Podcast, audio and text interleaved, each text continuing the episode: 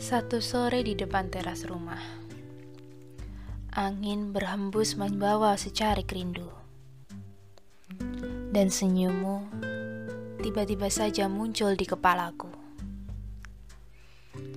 Entah dari mana asalnya,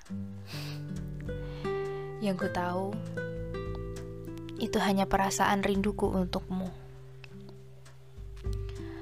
Aku tak tahu di mana keberadaanmu sebab aku selalu malu ketika mau bertanya kepadamu. Padahal aku di sini sangat merindukanmu.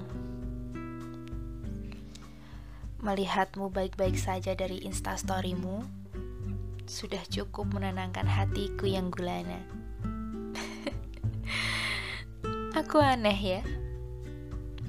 Tapi Walaupun aku aneh, doaku untukmu tak pernah berhenti menggema. Mungkin sekarang Tuhan sudah bosan mendengar doaku yang berisikan tentangmu.